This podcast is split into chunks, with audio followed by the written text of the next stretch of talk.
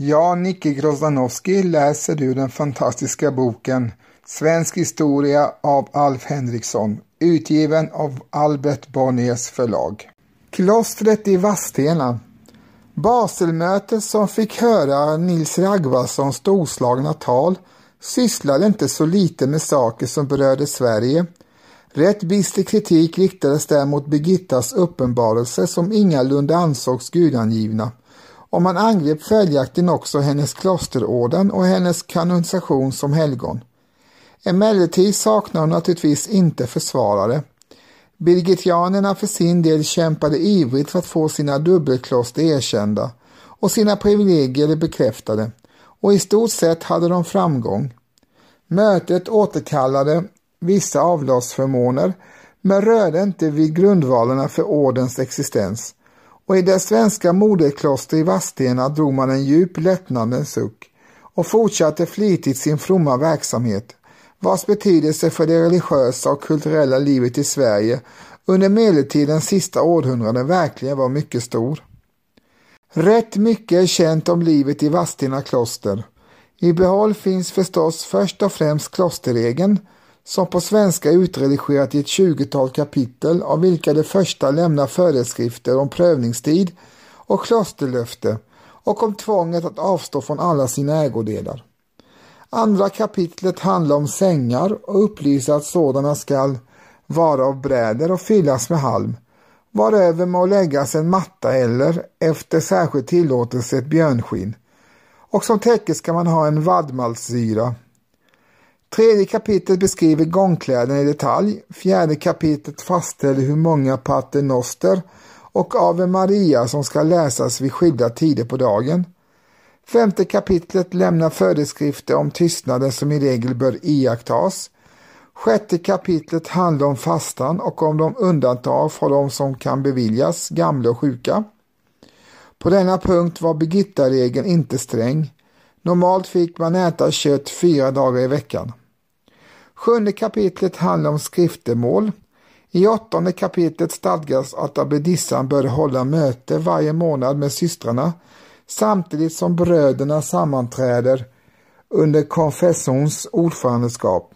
Och i nionde kapitlet uttalas att systrar och bröder bör vakta sig för konspirationer. Alltid lyda bedissan, aldrig knyta förbindelser med folk utanför klostret och överhuvudtaget inte ha några privata intressen.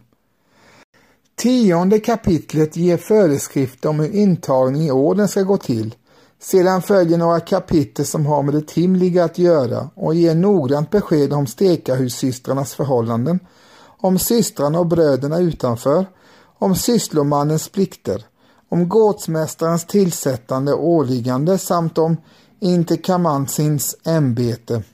Sistnämnda kapitel som ju berör kärnpunkten i klostrets hela ekonomi är begripligtvis ganska långt. De följande kapitlen föreskriver hur munkarnas liv ska levas, hur de ska äta sin mat vid det gemensamma bordet och i kapitlet om deras rum meddelas att en var ska ha sin cell fem alnar långt och fem alnar bred och dessa celler får de låsa om de vill och stoppa nyckeln på sig men de får absolut aldrig hysa någon gäst där inne. Slutligen finns det två kapitel där om sjukdom och död och hur därvid ska förfaras med bröder och systrar i Vadstena som drabbas av detta. Klostrets liturgi var också noggrant bestämd och föreskriven. Bröderna läste tidegärden enligt de regler som allmänt gällde för Linköpings stift, medan systrarna hade en speciell brigittinsk veckoritual vid namn Cantus Sororum, systrarnas sång. Den finns också översatt till svenska under den vackra titeln Jungfru Maria Öttragård. Det hela består av läsestycken ur Birgittas uppenbarelser, ett urval av Davids salmer samt något hundratal specialskrivna hymner, responsiorier och sådant. Magister Petrus Olai från Skänninge, Birgittas egen biktfar, som blev den första generalkonfessorn i hennes klosterorden, lär ha gjort texten till hymnen efter befintliga melodier. I fråga om respositionerna anses han ha skrivit musiken också. Det var fråga om idel sångstämmor, ty Birgitta tillät inga instrument i sitt kloster. inte ens en orgel. Det fanns två unisona körer under var sin försångerska och därjämte två solister som sjöng samt en som reciterade. I vad mån klosterregeln efterlevdes kan man få en föreställning om genom att läsa klostrets dagbok, det så kallade Vadstenadiariet, som är en ytterst intressant skrift och överspänner så gott som hela klostrets historia. Diariet handlar om viktiga händelser i klostret som dödsfall, begravningar, kungliga besök, biskopvisitationer, val av abbedissor och annat sådant och indirekt speglar de också världens gång utanför klostermurarna. Ty tronstriderna och den politiska oron lämnade inte de fromma systrarna helt oberörda. Ofta kände de personligen de agerande stormännen, ty Vadstena kloster var förvisso ingen demokratisk inrättning. Nunnorna tillhörde i stor utsträckning landets främsta familjer och det fanns rent av ett par prinsessor i sällskapet. Åtskilliga nunnor var av norsk börd, flera var komna från Danmark och det fanns dessutom några stycken främmande fåglar, nämligen en italienska och en turkiska som båda hade kommit till Vadstena med Birgittas likprocession från Rom.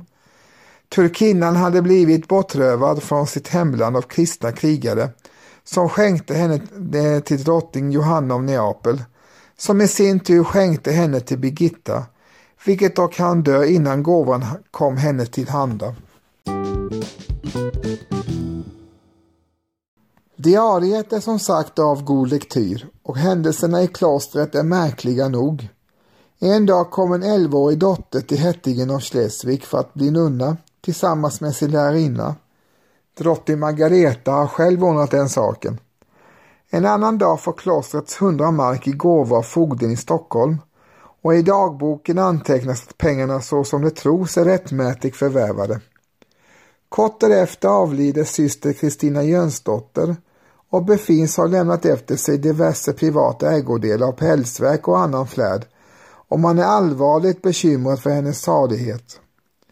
Året därpå begraver man riddaren Benedikt Niklisson i största hast för att inte Linköpingsbiskopen ska hinna komma och förbjuda den döde att såsom ockrare vila i klostrets vigda jord. Engelbrekts gärning däremot omnämns bara såsom en sammangallning av bönder som angripit ståthållaren Jo Eriksson. Den sistnämnde, mera känd för eftervärlden under förnamnet Jösse, är däremot en förgrundsgestalt i diariet som med begriplig indikation berättar hur han lynchats av bönder som kränkt klostrets asylrätt. Hösten 1436, något halvår efter Engelbrekts död, bröt sig nämligen en folkhop in i klostret där den hatade fogden vistades för tillfället. De släpade honom vid benen för trapporna så att huvudet dunkade i varje steg och förde honom sedan till häradstinget i Motala där han omedelbart dödsdömdes och halshöggs med yxa i ringen av blodtörstiga bönder. Han begravdes emellertid i klostrets kyrka och hade kommit ihåg det i sitt testamente, det meddelade diariet. En helt annan sorts människa var nog broder Andreas Jakobsson som några sidor längre fram har gått ur tiden. Det har noterats om honom att han var flitig och ivrig till att rätta böckerna i koret och att han hade uppfunnit klockan som tillkännagav timmarna i sovstugan. En dag antecknades det att systrarna åtagit sig besväret att tvätta brödernas kläder. Och en annan dag hände det att det kom en enkel daneman som hette Henning till klostret. I vars han förelägger klosterbröderna några funderingar som strider mot den sanna tron och mot helgonens uttalande. Han säger sig vara den helige jungfruns sändebud Bröderna blir mycket, mycket upprörda och anmäler saker för biskopen som kallar Hemming till Linköping där han överbevisas om kätteri och sätts i fängelse. Men i fängelset återkallar han lyckligtvis tärd och fastor sin villfarelse och gör därefter bot i det att han blottar till midjan för sig högtidlig procession kring kyrkan med en knippa ved på ryggen och ett brinnande ljus i handen. Kungabesök har man i klostret då och då. Alla 1400-talets regenter kommer dit och visar sig nådiga. Men det händer också att de framtvingar någon av Bedissas avgång. Vid århundradets mitt valdes syster Cecilia Päresdotter till abbedissa, men hon ville inte utan sprang iväg och gömde sig. På det sättet lämnar Vadstena-diariet besked om stort och smått, allt ifrån den dag då Birgitta blev helgonförklarad under ackompanjemang av diverse underverk och allt intill den tid då den stränge herren konung Gösta den förste förseglar brevskåpen i bokstugan och låter sina dravanter bortföra böcker och annat. Från hösten 1495 finns en märklig och sorglig notis. Då har man haft eldsvåda i klostret och bland det förstörda var en boktryckarpress och typer av tenn i kursiv och antikva. Allt sammans nyligen inköpt med stora kostnader och använt bara ett halvårs tid.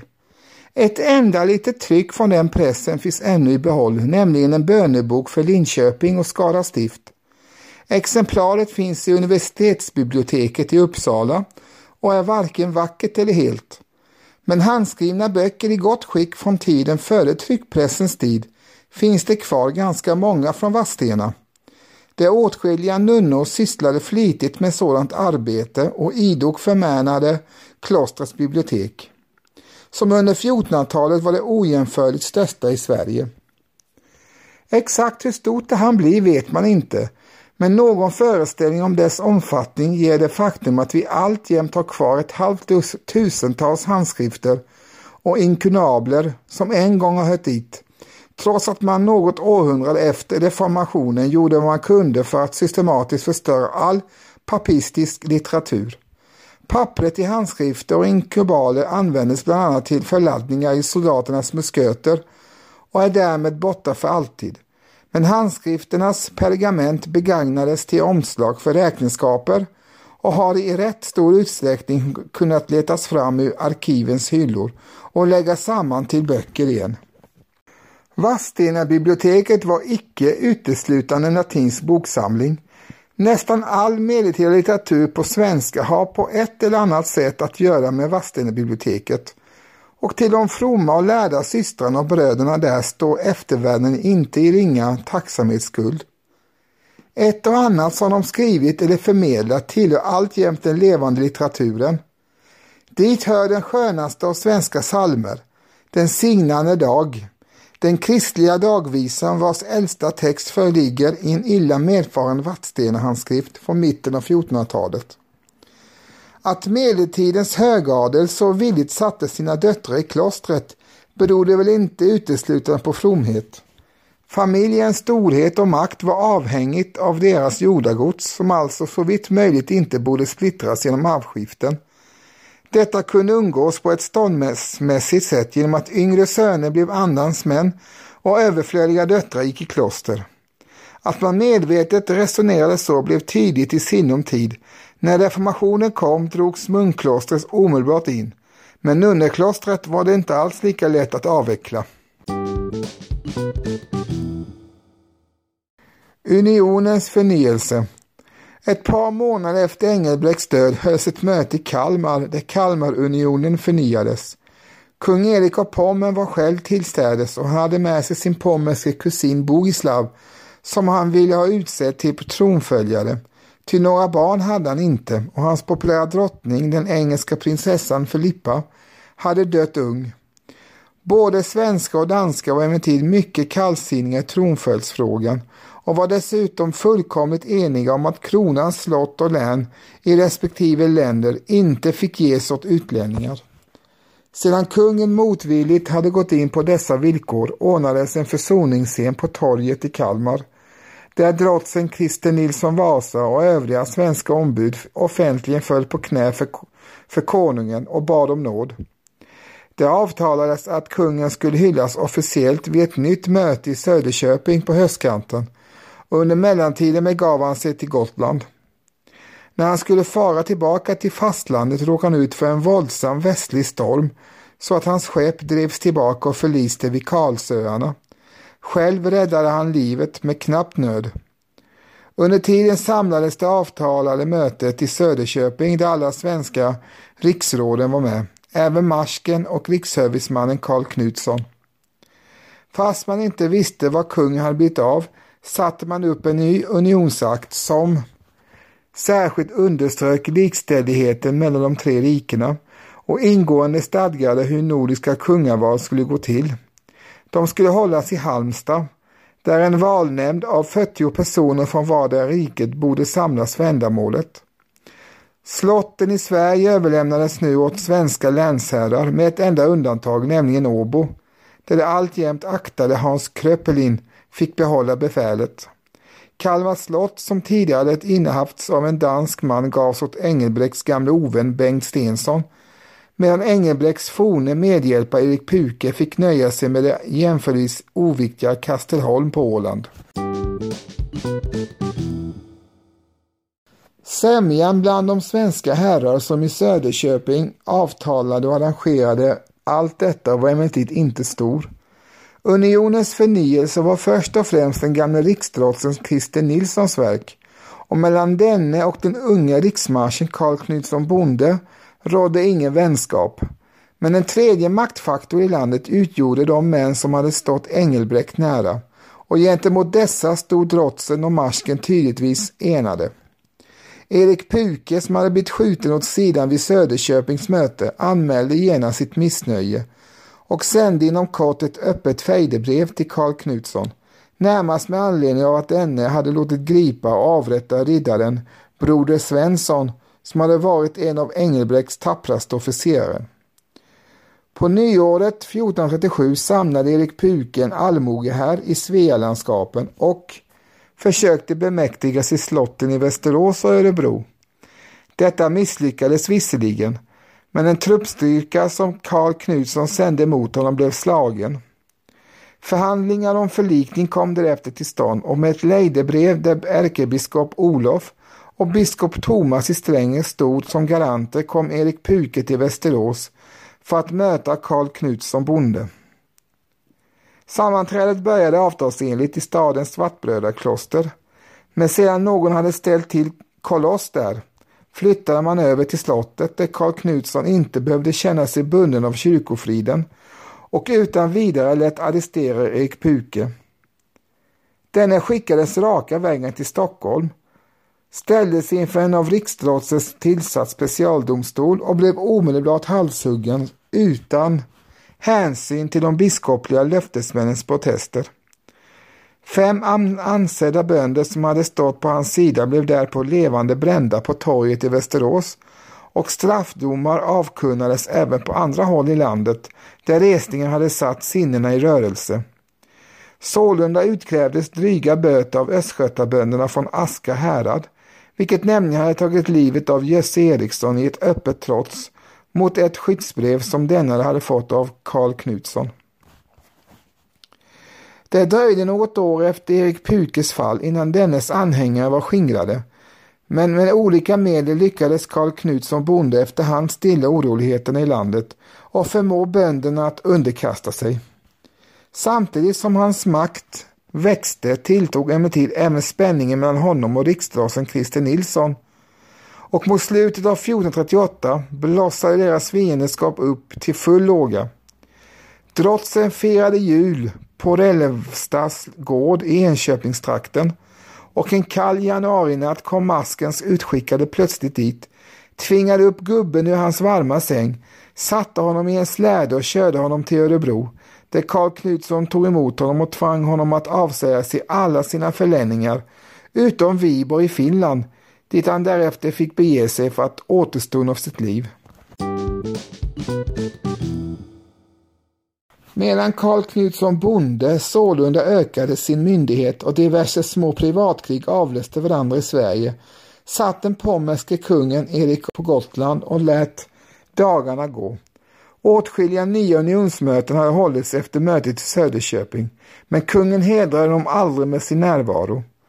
Däremot höll han envis fast vid kravet att hans kusin Bogislav skulle erkännas som tronföljare, vilket väckte motstånd både i Sverige och Danmark men kanske inte var fullt lika hopplöst i fråga om Norge eftersom detta land var ett arvrike av gammalt.